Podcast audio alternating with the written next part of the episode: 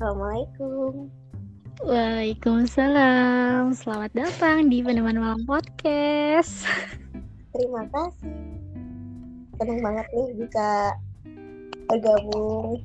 Udah lama banget ya rencanain tapi udah ruwah baru sekarang. Iya biasa manusia itu emang pandai buat rencana tapi kan semua balik lagi kehendak ada di tangan yang maha asik Betul betul betul. gimana kabarnya dia Alhamdulillah. Tapi agak kurang sehat sih. Kegiatan. Kau gimana? Alhamdulillah kabar sehat cuman emang lagi uh, musimnya kali ya jadi lagi agak ngerasa batuk-batuk terus nih Jaga kondisinya ya, Say. betul Gimana kerjaan kuliah lancar? Ya, kayaknya udah masuk ke semester 5 ini lagi ngerasa yang udah pokoknya padet-padetnya ya kan, tugas terus numpuk. Jadi kayak mm, ditambahkan kerja juga jadi kayak otak ini dibagi-bagi gitu loh, dipaksa buat memikirkan dua hal tapi dalam waktu bersamaan kayaknya eh gitu dah. Kamu pasti merasakan juga. Iya, maksudnya uh, ada yang kuliah udah pusing banget, ada yang kerja pusing banget. Kita ngerasain dua-duanya. Bener. Rasanya kalau misalnya ngomongin pusing itu emang pengennya tuh di diputus aja gitu kan. Cuman ngeri juga kalau kayak gitu dengar-dengar istilah apa kalau pusing putus aja itu kepalanya. Jadi kayak kapan jadi, banget ya. jadi nanti kepala buntung. Iya, benar. Belum masalah yang lain. Uh-uh, belum masalah yang lain ya. Iya lah ya. Apalagi kan umur sekarang kayak di mana kayak masa-masa mengkhawatirkan sesuatu ya kan masa depan apalagi kayak sekarang nih kayak pekerjaan kuliah jodoh ya kan aduh udah kayak menjadi satu Iya betul banget. Belum pusing di kerjaan, belum pusing di kuliah, belum pusing ditanyain, Bu, kapan Bu ada calonnya Bu? Bener banget. Eh iya sebelum itu kita udah ngomong panjang lebar, jadi mm, mau sedikit memperkenalkan gitu kan kepada pendengar Peneman Malam Podcast yang mungkin udah bisa dibilang berapa bulan ya vakum nggak upload upload podcast. Sekarang kali ini Peneman Malam podcast bersama aku Izmi. Nggak sendirian. Kali ini kita kedatangan teman ya kan? Yaitu dari Kak Dea. Kak Dea ini adalah eh, teman kuliah ya teman kuliah yang walaupun kita itu bisa dibilang beda kelas dan jarang gitu loh jarang kumpul. Tapi ya karena ada handphone ya kan, jadi kita bisa berkomunikasi melalui WhatsApp seperti itu. Jadi dia mau jadi sebagai peneman malam kalian semua. Asik. ya. Iya.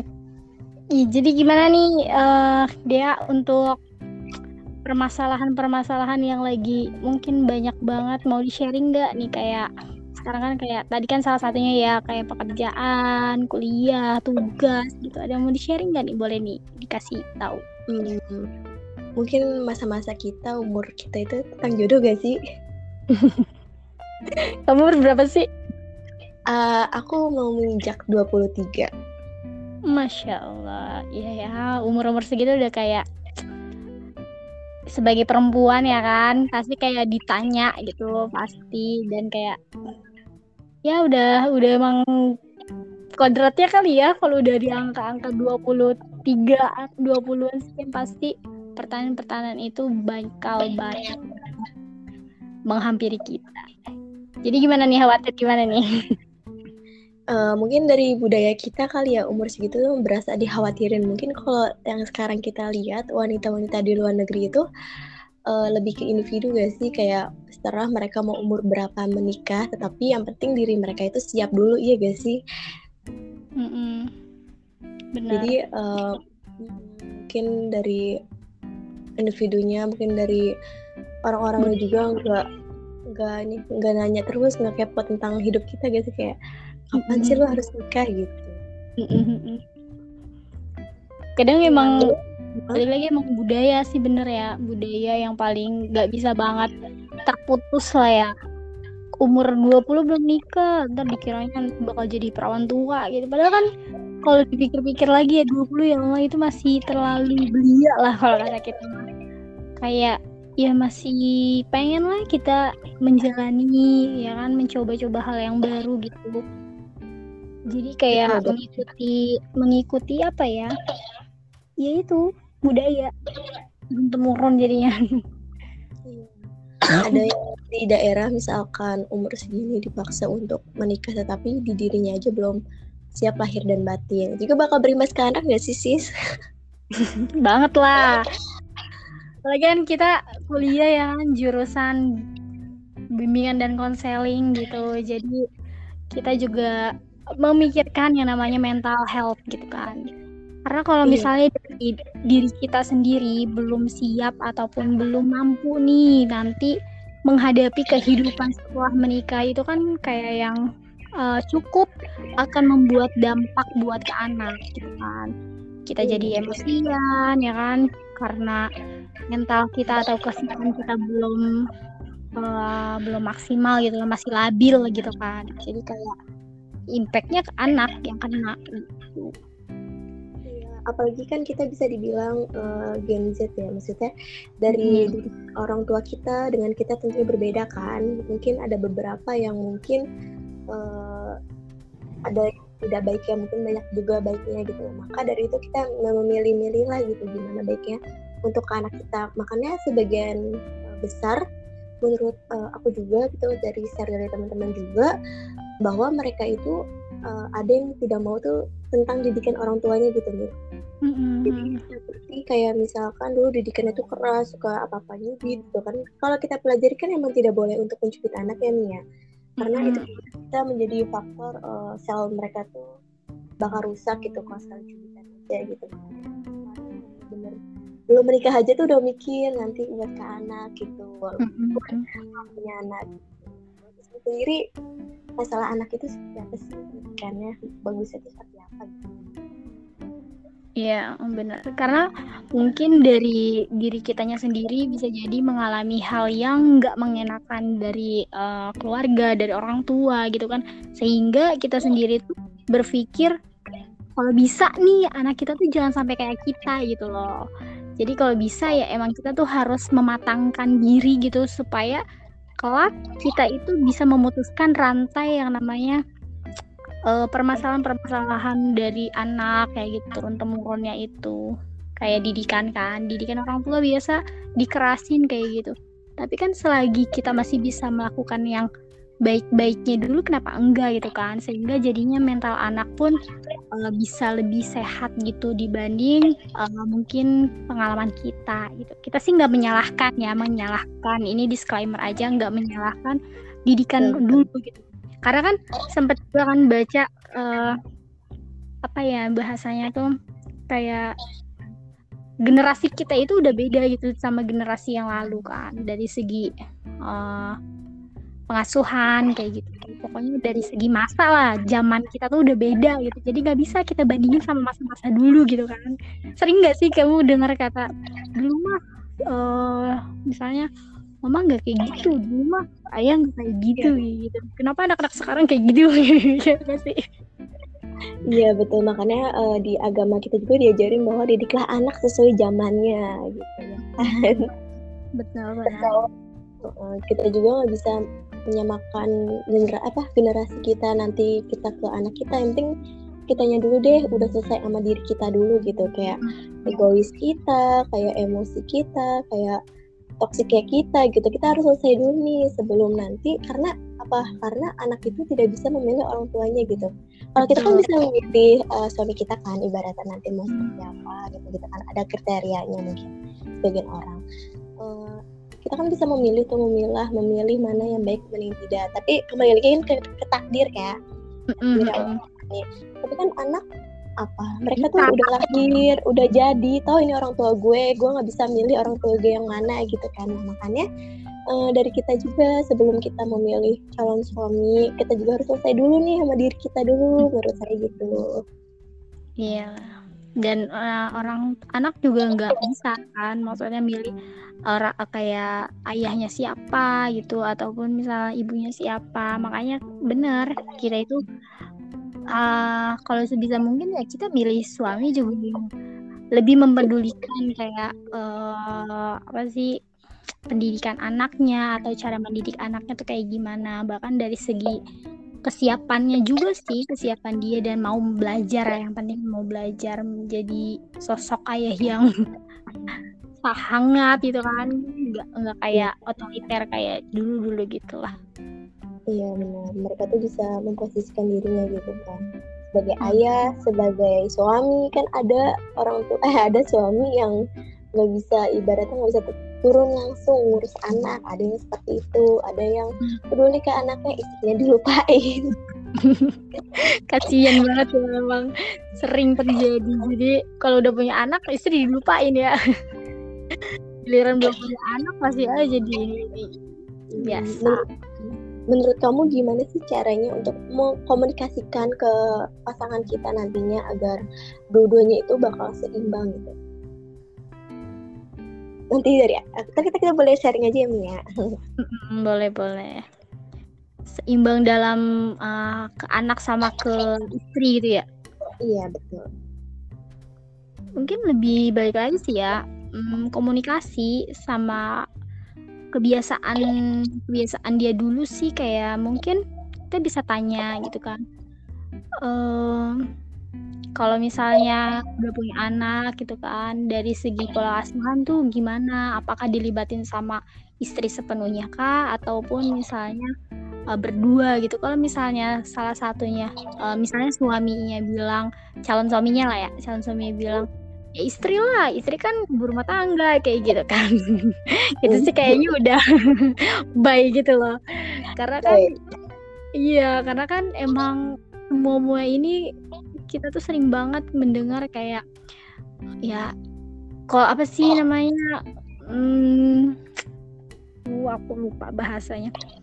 Kodratnya gitu ya bukan kodratnya sih kayak ini istri itu uh, uh, kodratnya ya udah ngasuh anak istri ngurus rumah istri kayak gitu. Bahkan sampai kayak ngebersihin masak semuanya istri. Padahal kan kalau dalam uh, hak dan kewajiban juga kan istri itu sebenarnya nggak nggak wajib-wajib banget. Maksudnya kayak ngurus rumah kayak gitu. Balik lagi kan semua itu tergantung kepalanya kan. Tergantung suaminya. Kalau suaminya aja kayak menyerahkan untuk uh, istri untuk bisa semuanya kayak gitu jadi uh, balik lagi ya kita bisa nggak nantinya menerima si suami yang seperti itu? Karena kan kehidupan setelah menikah itu jauh lebih panjang gitu ya jauh lebih ini. Jadi balik lagi. Siap apa enggak istrinya kalau misalnya dapet suami kayak gitu? Kalau enggak ya lebih baik hmm, cari yang lain. Uh, terus? Ya. uh, disleksi uh, betul betul. Mungkin uh, istrinya juga mungkin kita juga nih sebagai perempuan kayak punya harus punya visi misi gak sih dalam berumah tangga wow. gitu kayak kayak gimana sih caranya mendidik anak? Gimana anak ini mau dibawa gitu kan? Tentunya tentunya anak juga pasti mempunyai jalan hidupnya sendiri gitu. Mm-hmm. tapi kita uh, kita nggak kayak lo harus jadi ini lo harus jadi ini. Enggak kan? Pasti anak juga punya pilihan hidupnya sendiri. Nah uh, tapi sebelum anak memilih jalan hidupnya sendiri tentunya akan dibimbing oleh kita kanan hmm. dalam mendidik anak juga menurut aku juga harus ini harus sinkron gitu sama suami gitu harus berpendapat gitu. Kayak misalkan suami terbiasa dulu pola asuhnya hidupnya tegas keras gitu kan. Namun uh, ada beberapa kita yang perempuan misalnya didikan dari uh, orang tuanya mungkin ya ya udah santai-santai aja gitu setelah lo mau apa gitu kan. Tentunya nanti uh, secara sadar nggak sadar uh, sifat itu tuh bakal ada gitu nantinya uh, keluar gitu. Pasti karena sebagai nanti nggak kaget atau gimana itu memang penting banget gak sih sebelum menikah tuh dikomunikasikan dulu gitu ini penting dong. Hmm. Berat kayak sekolah lah. Kamu kan misalnya kita kan kerja di sekolah ya. Sekolah yeah. aja punya yang namanya visi misi gitu. Apalagi kita nyari pasangan hidup. Pasti kita juga harus yang uh, memilih itu uh, kita tuh menikah tujuannya mau ke mana gitu loh kita mau menikah mau uh, mencari apa gitu. Kalau misalnya sekedar kita menikahi orang karena kita suka aja tapi kita sebenarnya nggak satu visi misi itu kayak buat apa gitu loh. Ya balik lagi nanti impactnya dengan uh, pola asuh gitu kan. Masalah permasalahan-permasalahan yang akan muncul dari keluarga dari suami istri ataupun anak kayak gitu. Iya betul. Banyak maksudnya uh, mungkin namanya berpisah ada beberapa pasangan yang telah berpisah setelah menikah gitu mungkin alasan utamanya ada yang tidak cocok ada yang dari faktor ekonomi dan lain-lain sebagainya nah banyak juga uh, di sini menjadi sang anak itu menjadi istilahnya broken home kan ya Mm-mm. Banyak sekali yang aku lihat tuh anak-anak itu menjadi korbannya dari orang tua tersebut gitu. Mungkin orang tuanya sendiri uh, lebih baik berpisah daripada berantem mulu ya kan segala macam. Nah, uh, jadi ada sebagian beberapa anak itu mereka itu broken home. Mungkin uh, kita kita juga nggak bisa ini ya, maksudnya nggak bisa mengukur sejauh mana letak kesedihan seseorang ya kan. Karena kan dalam hati kan, jadi kita saling ini aja melihatnya atau merasakannya. Nah, ada beberapa anak yang e, berimbasnya itu malah menyakiti diri sendiri, malah merusak diri sendiri. Mungkin e, itu tuh bukan mau mereka gitu, tapi mereka itu dipaksa untuk melakukan itu untuk pengalihan e, ketika mereka tersakiti oleh sesuatu atau keadaan gitu. Nah, menurut kamu sendiri, uh, mungkin dari pandangan kamu, uh, bagaimana sih maksudnya ketika anak itu uh, akan broken home, maksudnya korban broken home, nah anak itu uh, tidak mengalami seperti itu. Maksudnya kayak lo adapun orang tua nggak ada orang tua lo tetap bisa hidup loh gitu. Karena lo lahir aja lo tuh udah sendiri gitu. Lo pasti bisa gitu. Letak kebahagiaannya sebenarnya itu bukan dari kedua orang tua lo tapi ada diri lo istri sendiri itu gimana gitu. Buat anak itu tidak ke jalan yang uh, salah gitu. Ya, lagi sih lebih ke penerimaan diri gitu kan. Karena misalnya yang penting juga ada support system ya kalau misalnya dia emang sendiri dia nggak ada pegangan misalnya orang tuanya berantem kayak gitu ya salah satunya kita harus uh, peka gitu terhadap permasalahan dia gitu. Misalnya sebagai guru ataupun misalnya orang terdekatnya lah. Bisa mungkin ya kita harus mengarahkan dia gitu supaya uh, dia mampu gitu yang namanya bisa menerima diri menerima kenyataan bahwa keluarganya seperti itu. Dan uh, emang nggak bisa dipungkiri sih kalau misalnya kasus anak uh, broken home itu uh, kita nggak bisa um, apa sih kayak bilang banyak atau sedikit karena emang nggak semua setiap anak itu bakal uh, mengambil jalan mau menjadi anak yang seperti apa gitu kan. Kayak mau jadi anak yang hmm, mabok-mabokan atau bahkan ke jalan yang pergaulan bebas kayak gitu karena dampak broken home. Atau juga ada yang menerima gitu. Seenggaknya kayak misalnya oh keluarga gue uh, pisah nih kayak gini. Terus gimana caranya gue bisa mendapatkan kebahagiaan dari keduanya gitu? Mungkin kalau misalnya anak yang uh, intelijensinya baik gitu loh dia berpikir kalau misalnya oh orang tua gue cerai ini karena uh, mungkin mereka udah nggak bahagia satu sama lain. Mungkin mereka udah nggak saling menyayangi kayak gitu. Uh, kan mereka berdua ini kan yang saling tidak menyayangi. Seenggaknya gue sebagai anak harus bisa nih mendapatkan kasih sayang dari mereka berdua walaupun kita udah nggak satu rumah kasarnya gitu kan. Jadi mereka uh, anak ini mampu gitu loh mendamaikan suasana menjadi kayak penengah antara uh, ayah dan ibunya kayak gitu.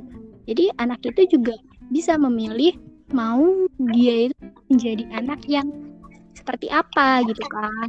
Kalau hmm. misalnya anak yang hanya menyalahkan keadaan misalnya uh, ini orang tua gue cerai.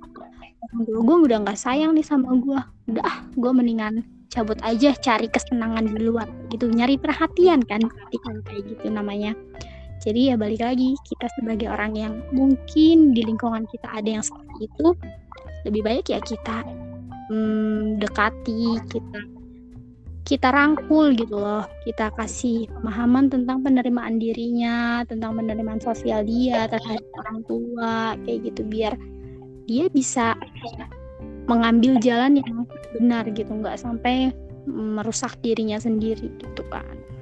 Iya. mungkin kalau aku dari kamu kalau kamu gimana? Ya sama kayak kamu. Cuma uh, mungkin ya uh, ada sisi yang tidak egoisnya dari orang tua. Seperti mungkin dari kedua orang tuanya mengalami permasalahan gitu kan. Kayak udah nggak bisa nih uh, ibaratnya seperti dulu lagi atau hubungannya.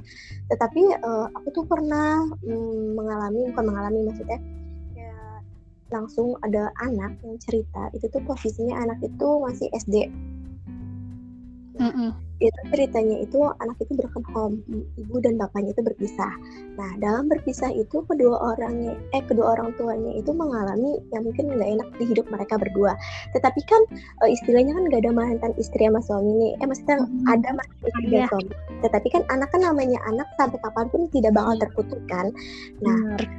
jadi apalagi anak itu ibaratnya masih perlu bimbingan kasih sayang dari orang tuanya gitu masih pengen wah ini ayah gue loh gitu nah ada kasus bahwa orang tuanya itu tidak mau mempertemukan anaknya itu ke ayahnya gitu sering ibunya gitu hmm. sedangkan hmm. ayahnya itu emang masih pengen uh, komunikasi gitu kan apalagi anak perempuan nantinya bakal diwali nikah segala macam gitu. nah akhirnya uh, dua orang tua ini berpisah masing-masing menjalani kehidupannya dengan orang baru kayak nikah lagi gitu uh, aku nggak tahu kenapa bahwa yang aku tahu dia itu sempat uh, chat aku chat di WhatsApp pakai HP uh, eh, yang dia punya atau orang tuanya gitu dibilang gini uh, teh kan manggil teh ya hmm. teh aku suka dipukul kata gitu suka dicubit biru gini gini gini sama ayah aku ayah barunya gitu kan hmm. nah terus uh, apa ya ibaratnya yang kita tahu kan bahwa setiap orang uh, yang mengalami kekerasan maksudnya uh, mereka tuh cerita kita percaya dulu nih jangan menyangkal bahwa oh ini yang bohong gitu perhatian gitu dan kita percaya dulu nih ke mereka gitu. Nah aku sih aku lihat ya maksudnya uh, aku nggak mau langsung kayak menyalahkan siapa-siapa gitu. Kan tetapi anak ini tuh emang sampai ngirim foto uh, dia gitu kayak yang memarah gitu kan ke aku.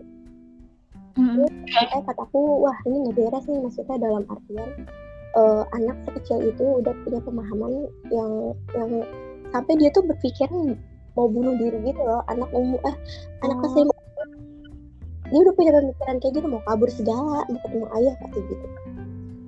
Otomatis hmm. ya tekanan dari keluarganya kan.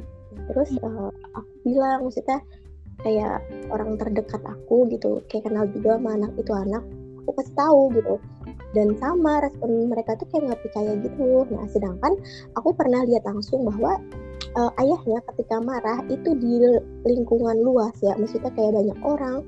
Berani berani berani main tangan gitu kan. Nah ya nggak dipungkiri bahwa uh, sang anak itu benar kan?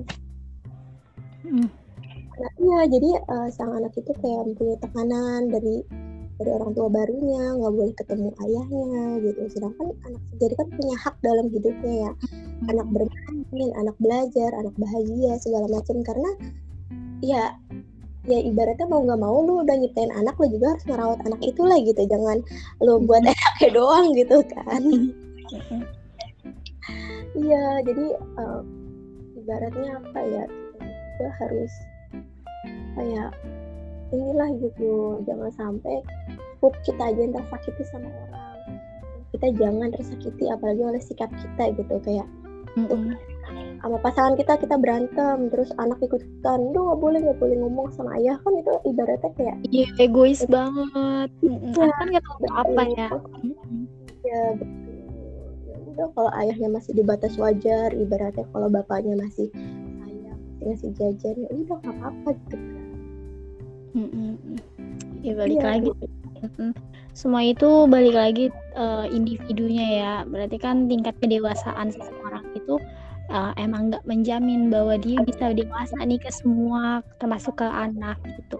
Setiap permasalahan-permasalahan ini emang kadang kalau misalnya dia belum selesai sama dirinya sendiri uh, ya dampaknya gitu dia malah jadi kayak menyalahkan orang lain terus akhirnya kayak uh, mengajak-ngajak orang ini supaya ikut membenci orang tersebut kan kayak gitu kan. Banyak banget lah ya jangan kan permasalahan ibu dan anak atau masalah orang tua gitu lah yang cerai sama anaknya gitu anaknya jadi kena dampak kayak gitu. Pertemanan aja kan banyak sekarang kayak gitu. Kayak musuhnya musuhannya sama siapa terus akhirnya semuanya ikut-ikutan musuhin. Iya. jadi lagi kayak ya dewasaan juga sih kalau menurut aku gitu. Jadi kita tidak bisa ini ya apa namanya umur kita nih misalnya udah tua tapi kalau kita, kita tua belum tentu ya. Nggak menjamin semua itu. Kadang yang bikin kita dewasa itu ya pengalaman. Setiap uh, orang yang walaupun umurnya bisa dibilang tua tapi belum dewasa berarti kan uh, pengalaman dia belum banyak ya. Kita juga nggak bisa sih menjudge orang seperti itu. Balik lagi ya pemahamannya gitu kan. Pemahaman dia tuh gimana sih sebenarnya?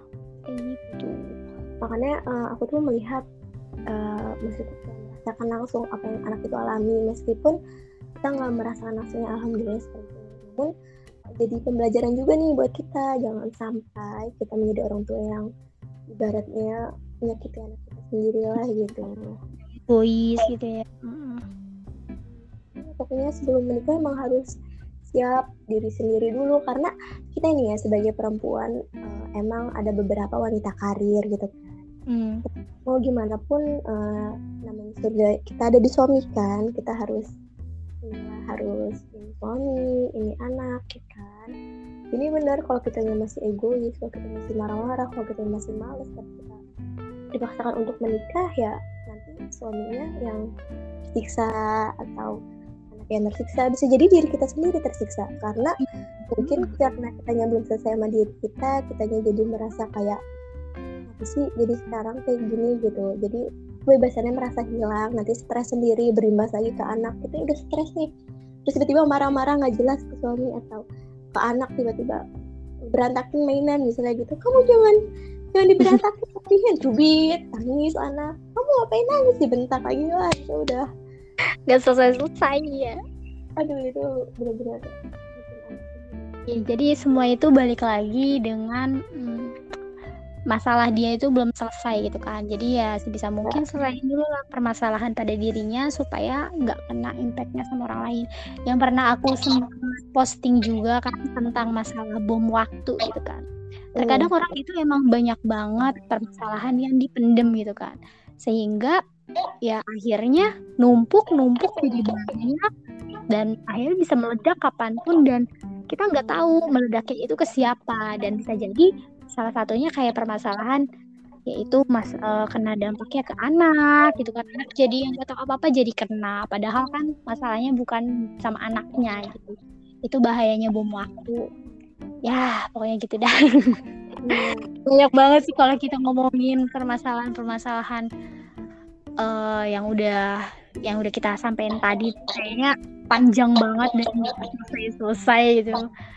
Jadi kayak intinya aja nih intinya kayak ya jalanin semua uh, masalah yang ada kita di kehidupan kita ini ya dengan dewasa gitu. Agar semua yang mungkin kita ingin kayak keluarga ataupun anak itu nggak akan kena dampaknya. Dan semua itu bisa merasakan lah yang namanya bahagia dengan semua perencanaan lah. Kayak menikah aja kan butuh perencanaan belajar. Yang penting belajar sih belajar itu emang nggak boleh nggak gitu. Kayaknya setiap setiap kita hidup itu belajar itu pasti gak berhenti berhenti hmm, iya betul. Makanya jangan lelah untuk belajar. Mempelajari iya. sesuatu. gitu. ya Allah. Masya Allah nggak kerasa ya udah 30 menit nih kita ngobrol. Masya Allah banget. Kayak baru sebentar banyak banget ternyata ya yang terlalu kompleks apa ya? Lah permasalahan dewasa itu makanya hmm. gitu. Banyak banget nih ilmu yang baru dipelajari sharing-sharing hmm. manfaat banget. Banget. jadi membuka sisi yang berbeda bincang judulnya nanti bincang-bincang apa nih? Calon guru BK apa bincang-bincang masalah? Di masa ini ya. Nanti kita tinggal tunggu aja ya judulnya. Pas udah di Semoga peneman malam podcast terus berkarya, memberikan manfaat-manfaat ke yang lain, berguna untuk yang lain juga gitu. Semoga platformnya menjadi besar ya. Amin. Yang penting konsisten sih. Nah, iya, harus ini harus buat konten terus. iya, kadang ide udah ada, tapi gitu menjalankannya kayak hmm, tersendat-sendat gitu loh. Jadi ya ya dah. Pokoknya ini alhamdulillah gitu loh kita bisa merecord gitu kan di malam Sabtu yang sebenarnya emang jadwalnya peneman malamku podcast itu upload gitu. Dan kali ini emang aku nggak sendiri ataupun aku nggak bareng sama Fahira karena kita uh, spesial mendatangkan bintang tamu. Ya Allah. spesial ya, pembuka nih, pembuka lagi nih podcast karena mungkin konten-kontennya itu biar ada warna baru gitu loh tentang bincang seputar uh, psikologi ataupun bimbingan dan konseling bersama peneman malam podcast bersama aku Izmi dan Dea. Sampai jumpa di episode selanjutnya. Terima kasih Dea udah di peneman ya, malam. Terima kasih kembali. Terus terus ya peneman malam podcast. Jangan lupa dengerin ada di Spotify. Iya guys, dengerin ya guys. Terima kasih banyak. Dadah. Bye. Assalamualaikum. Waalaikumsalam warahmatullahi wabarakatuh. Thank you.